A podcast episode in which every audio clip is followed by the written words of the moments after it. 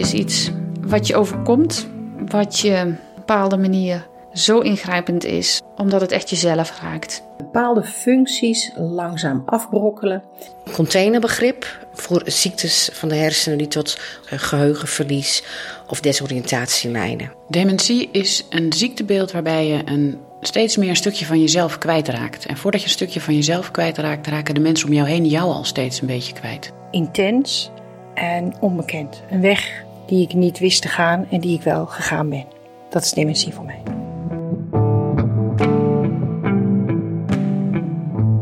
Dementie.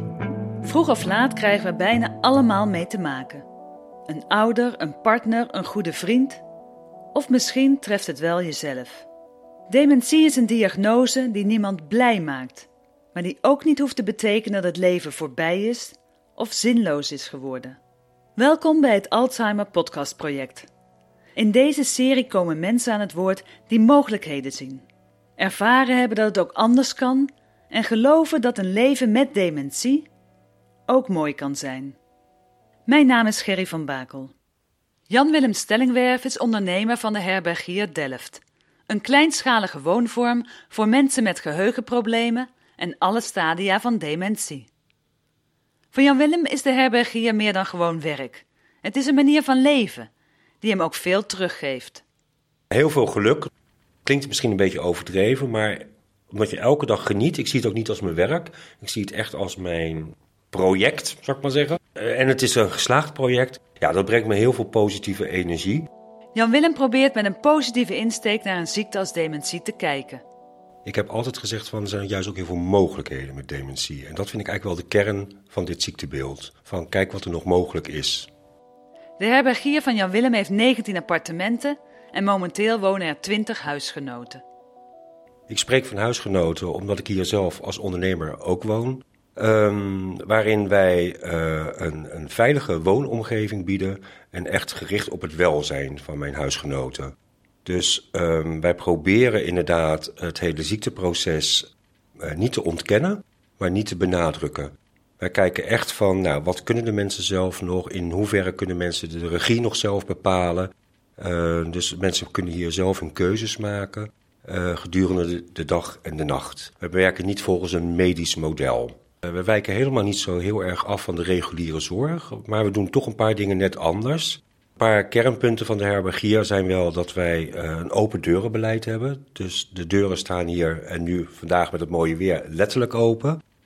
Wij zijn heel terughoudend met sederende medicatie. Dus alle medicatie die zich richt op slaapproblematiek, op onrust, proberen wij echt niet te geven of tot een minimum te beperken. Een andere kernwaarde van de herbergier is dat het levensloopbestendig is. Dus de mensen die bij mij komen wonen, kunnen eigenlijk, nee, niet eigenlijk, kunnen gewoon de rest van hun leven bij mij wonen. Dus er hoeft niet nog een keer een verhuizing plaats te vinden. Tegen de trend in is Jan-Willem geen voorstander van mensen ten alle tijden zo lang mogelijk zelfstandig te laten wonen. Als mensen zich hier thuis voelen en na een aantal jaar gaat het ziektebeeld wel verder, uh, ontwikkelt zich verder, waardoor mensen wat meer gedesoriënteerd raken in plaats, dan zien ze de herbergier wel als hun woonhuis en hier binnen is het veilig. Dus wij zien ook minder dwaalgedrag naar buiten toe. Terwijl je als je in een wat vergevorderd stadium van geheugenproblematiek bij ons komt wonen, dan kan de herbergier ook als onveilig zijn, als nieuw en van waar ben ik nou? En dan ga je dus op zoek naar een vertrouwde omgeving. En dat betekent dat je dus als eerste naar buiten gaat. Ik spreek echt heel veel familieleden die interesse hebben in de herbergier. Die aan de ene kant ook wel zeggen: ja, ik zou het heel fijn vinden als bijvoorbeeld mijn moeder of vader of partner zo lang mogelijk thuis blijft wonen. Maar het thuis is dan niet meer veilig. Gevoelsmatig niet veilig, maar ook vaak fysiek niet meer veilig. Mensen moeten dan ja, moeten bijvoorbeeld denken aan de sleutel meenemen als je naar buiten gaat. Waar ga je boodschappen doen? Wat moet ik vandaag eigenlijk doen om mijn dag door te komen? Nou, als je die regie kwijtraakt, voelt ook je eigen thuissituatie niet meer veilig. En in de herbergier is de 24 uur per dag begeleiding om je daar nou juist bij te helpen. Mensen wonen wel gezamenlijk in de herbergier, maar kunnen hun eigen dagritme aanhouden. De mensen bepalen zelf hier wanneer ze opstaan. En uh, daar moet je alweer rekening mee houden dat mensen wel gedesoriënteerd in tijd kunnen zijn. Dus je moet ze wel daarin ondersteunen. Maar het is niet zo dat we om acht uur bij mensen naar binnen lopen of kloppen en naar binnen gaan van komt u uit bed? Nee, we kijken, het liefst kijk ik wanneer mensen onszelf waarschuwen. Van dat ze bij de deur staan van Uh, goh, ik ben wakker, kan iemand mij helpen? Of wat, ga, wat moet ik doen? Nou, dan kan je mensen aanbieden om te verzorgen, om te gaan douchen, aan te kleden. Na het ontbijt, uh, mensen kunnen hier ontbijten ook wanneer ze willen. En dat kan zowel in de centrale huiskamer met elkaar of alleen op je eigen appartement als je dat gewend bent. En daarna kijken we eigenlijk per individu van wat zou u vandaag willen doen. Ja, en dat kan heel divers zijn. Dat kan een individuele activiteit zijn door bijvoorbeeld gewoon even hier een wandeling te maken. Een klein boodschapje te doen bij de supermarkt hier op de hoek. Een bosje bloemen te kopen en dat even in de vaas zetten. Tot wat grotere groepsactiviteiten. We hebben hier um, veel muziekactiviteiten met elkaar. We hebben de beweging, we hebben het schilderen. Nou, zo kan je eigenlijk alles bedenken. Maar nogmaals, wij vragen de huisgenoten: wat zou u vandaag willen doen? En wij zeggen ook um, in principe altijd ja op verzoeken van huisgenoten. Dus als een huisgenoot tegen me zegt: Ik zou vandaag even naar de stad willen, dan gaan we die dag naar de stad. Dat kunnen wij dan ook realiseren.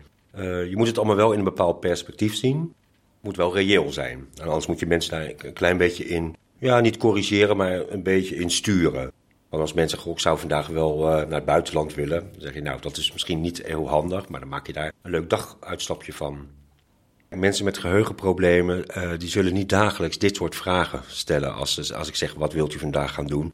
Mensen houden het ook, ook zelf klein. Vaak zijn er toch dingen van, goh, we moeten even de boodschappen halen. Wij kunnen ook initiëren, wij kunnen ook mensen uitnodigen van, vindt u het fijn om mij te helpen met de afwas? Of vindt u het fijn om met elkaar een kopje koffie te drinken en de krant te lezen? Ik bedoel, het zijn niet allemaal uitstapjes buitenshuis. Maar je kan ook wel dingen vragen van, vindt u het leuk om uh, een stukje op de piano te spelen? Of vindt u het leuk om uh, uh, te strijken? Want ik bedoel, ook de gewone huishoudelijke dingen, de dingen die mensen voorheen altijd gewoon zelf deden, dat hoeft in een herbergier niet door de medewerkers te worden gedaan. Het is natuurlijk leuk als mensen ook nog um, ja, hun, hun, eigen waarde houden. Door bijvoorbeeld zelf even hun eigen handdoeken op te vouwen of hun eigen was in de machine te doen. Het is iets heel kleins, maar ze kunnen het dan toch vaak niet meer helemaal zelfstandig. Maar als je dat begeleidt, dan kunnen heel veel mensen kunnen dat nog. Fietsen verleer je niet, maar strijken verleer je ook niet. Een in het oog springend uitgangspunt van de herbergier is het open deurenbeleid. Jan Willem zegt daarover: We kennen onze bewoners en we weten waar ze zijn gedurende de dag. En degenen die naar buiten gaan, vinden meestal de weg naar huis zelf terug. En als het nodig is, dan pak ik mijn fiets en haal ze op. Merendeel van de familie vindt het juist een vervelend idee dat ze hun partner, vader of moeder achter een gesloten deur zouden moeten plaatsen. Dus ze zijn eigenlijk al blij dat de herbergier de deuren open houdt. Dus um, je ziet eigenlijk dat de familie altijd al positief in dat idee staat. En als iemand al positief is, dan is het ook makkelijker om onrust bij mantelzorgers weg te nemen. Ik doe dit nu al zeven jaar en ik kan het aantal uh, voorbeelden dat mensen echt ja, gedesoriënteerd zijn en ook echt even zoek zijn, nou, niet op één hand te tellen. Het komt wel wat vaker voor. Maar we hebben nog nooit echt een incident gehad. Het toezicht is er zo dat medewerkers weten welke huisgenoten er buiten kunnen verdwalen. Want van de 20 huisgenoten kunnen er nu 15, 16 mensen zelfstandig buiten lopen. Dus die hoeven we niet in de gaten te houden als het, uh, of te observeren. Het gaat om een paar huisgenoten. En al onze medewerkers en vrijwilligers zijn erop getraind van... hé, hey, waar is die mevrouw? En dan kijk je gelijk ook waar ze is. De buurt heeft een sociale functie, dus uh, onze buren en dan echt van een aantal straten herkennen onze huisgenoten. Dus ik word wel eens gebeld van, goh, weet je dat hier een mevrouw uh, loopt? En dan is het ook vaak in 90% van de gevallen ja, maar dat is goed, want die mevrouw weet ook de weg weer terug. Maar uh, ja, je kan familie geruststellen van, ja, we zijn wel eens iemand kwijt, maar dat is zo kort dat we ook op de fiets alweer mensen heel snel gevonden hebben. Want mensen lopen, uh, ja, zijn toch wat slechter te been, zijn niet heel snel. Dus ze lopen hier ook altijd wel in de buurt. Ik heb wel eens een situatie meegemaakt dat een mevrouw echt meerdere keren per dag wegging. Dat ging nog wel veilig, maar niet de weg wist. En toen hebben we toch samen met uh, de familie besloten om een, uh, een horloge te doen met een GPS-trek. Zij konden haar hier volgen op een tablet. En uh, ja, dan is de techniek staat weer voor niets. En op het moment dat ze wat verder uit de buurt raakte, dat zagen we op de, op de Google Maps, zal ik maar zeggen. Dan ging ik er met mijn fietsje achteraan en dan kwam ik haar weer tegen. Vaak zie je dan ook dat mensen dan toch wat uh, paniekerig zijn. Hè, want ze ervaren ook dat ze niet meer weten waar ze zijn. Maar herkennen mij dan op een fiets. En dan zijn ze, ach, daar ben je. Al voor de start van de herbergier heeft Jan Willem de buurt betrokken bij het huis en zijn toekomstige bewoners. Het gebouw stond al uh, ruim vijf jaar leeg. En het was echt een bouwval. Er stonden ook hekken omheen. Het was hier helemaal donker. Dus de buurt uh, uh, gaf wel direct aan van oh, wat fijn dat er weer leven in de brouwerij komt. Hè? Dat het huis weer gaat leven. We hebben een uh, buurtbijeenkomst gehad hier in het buurthuis op de Rotterdamse weg. En de mensen geïnformeerd over nou, wat is de herbergier en hoe gaat dat er straks in de praktijk uitzien. Mensen konden ook hun vragen stellen. En de enige vragen waren, of gingen vooral weer over het feit dat wij vertelden dat onze deuren open waren. En dat ze zeiden van, oh, dus wij kunnen regelmatig uh, jouw huisgenoten in de buurt aantreffen. Ik zeg, nou, weet ik nog niet helemaal zeker hoe dat precies gaat. Maar dat, daar zou ik ook uw ondersteuning bij kunnen hebben. Maar ik heb ook gelijk gevraagd van, wat kan de buurt voor ons betekenen? Dus behalve die uh, ja, controle of die sociale controle, heb ik ook mijn eerste vrijwilligers hier uit de buurt kunnen uh, ontvangen. Die vrijwilligerswerk in de herbergier hebben gedaan. Ik ben heel actief geworden, ook met de buurtvereniging, als het gaat om het organiseren van de jaarlijkse uh, borrel, uh, het buurtfeest. Dat vindt allemaal op het terrein van de herbergier inmiddels plaats. Waarbij er dus een integratie is van mijn huisgenoten met de buurt. En dat is natuurlijk ook heel positief. En inmiddels komen ook veel geïnteresseerden die op mijn interesselijst staan uit deze buurt. Dus dat is natuurlijk ook heel positief.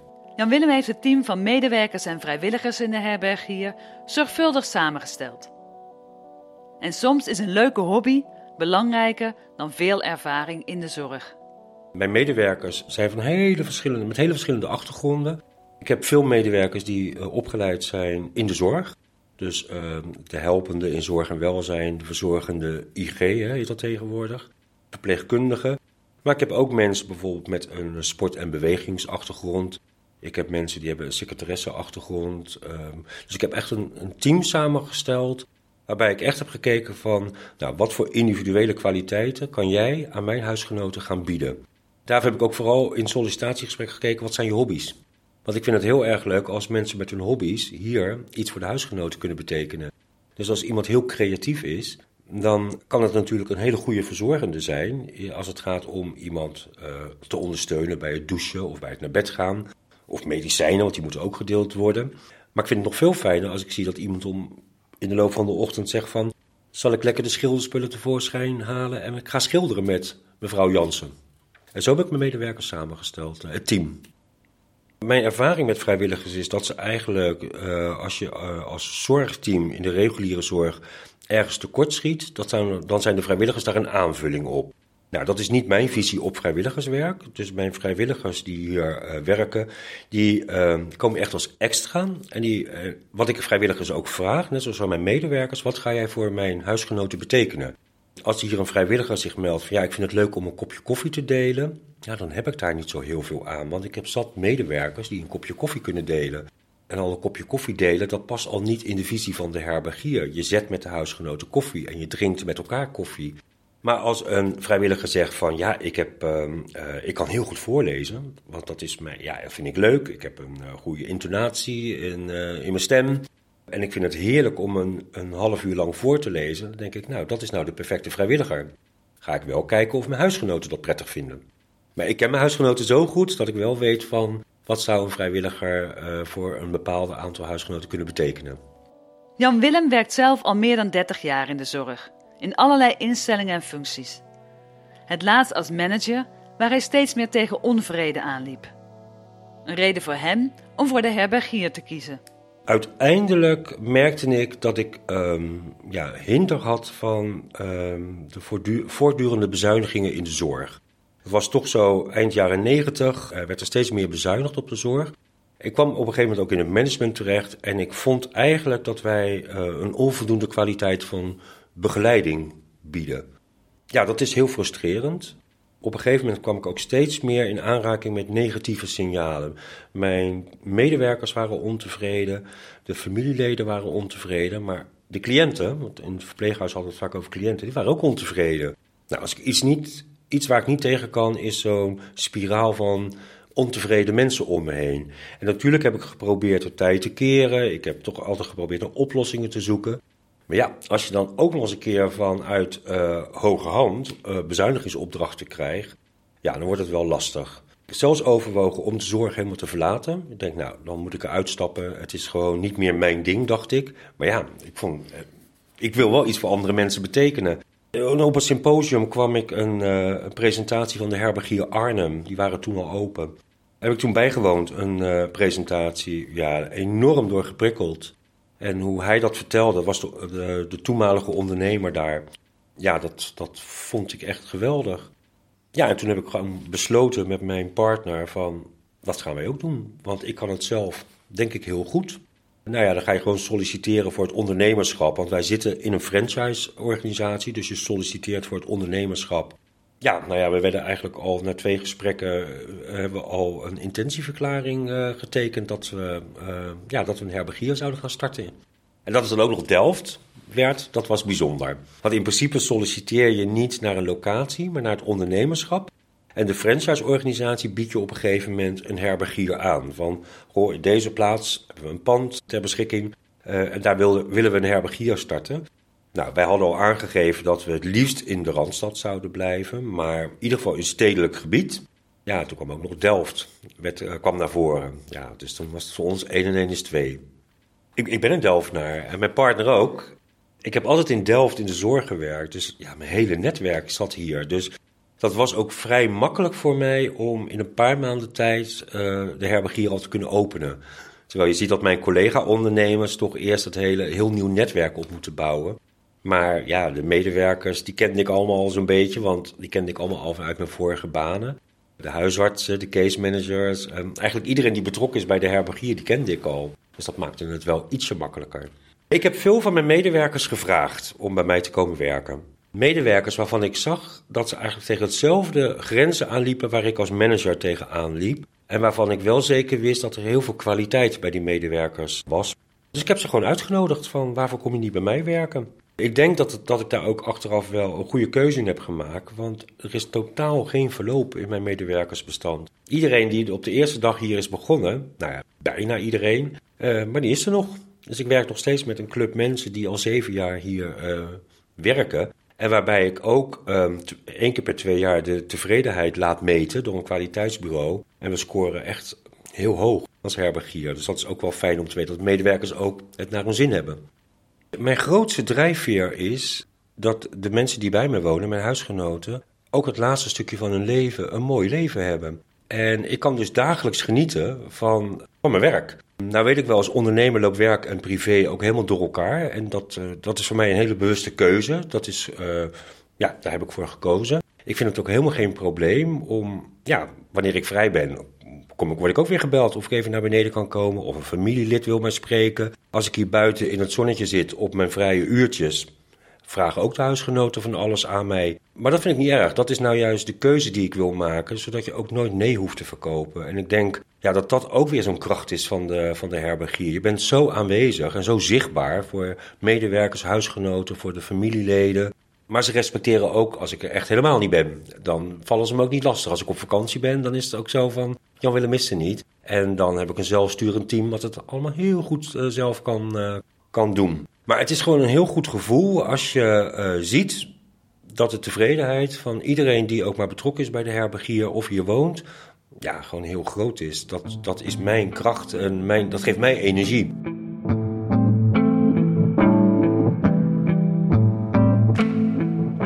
Mogelijkheden, mensen zelf de regie laten houden. Een open deurenbeleid zodat bewoners naar buiten kunnen en buren uitgenodigd worden om binnen te komen. Je Jan-Willem Stellingwer van de herberg hier in Delft. Mijn naam is Gerry van Bakel. Voor meer aflevering van het Alzheimer Podcast Project ga je naar mijn website gerryverhalenbedrijf.nl of de bijbehorende Facebookpagina.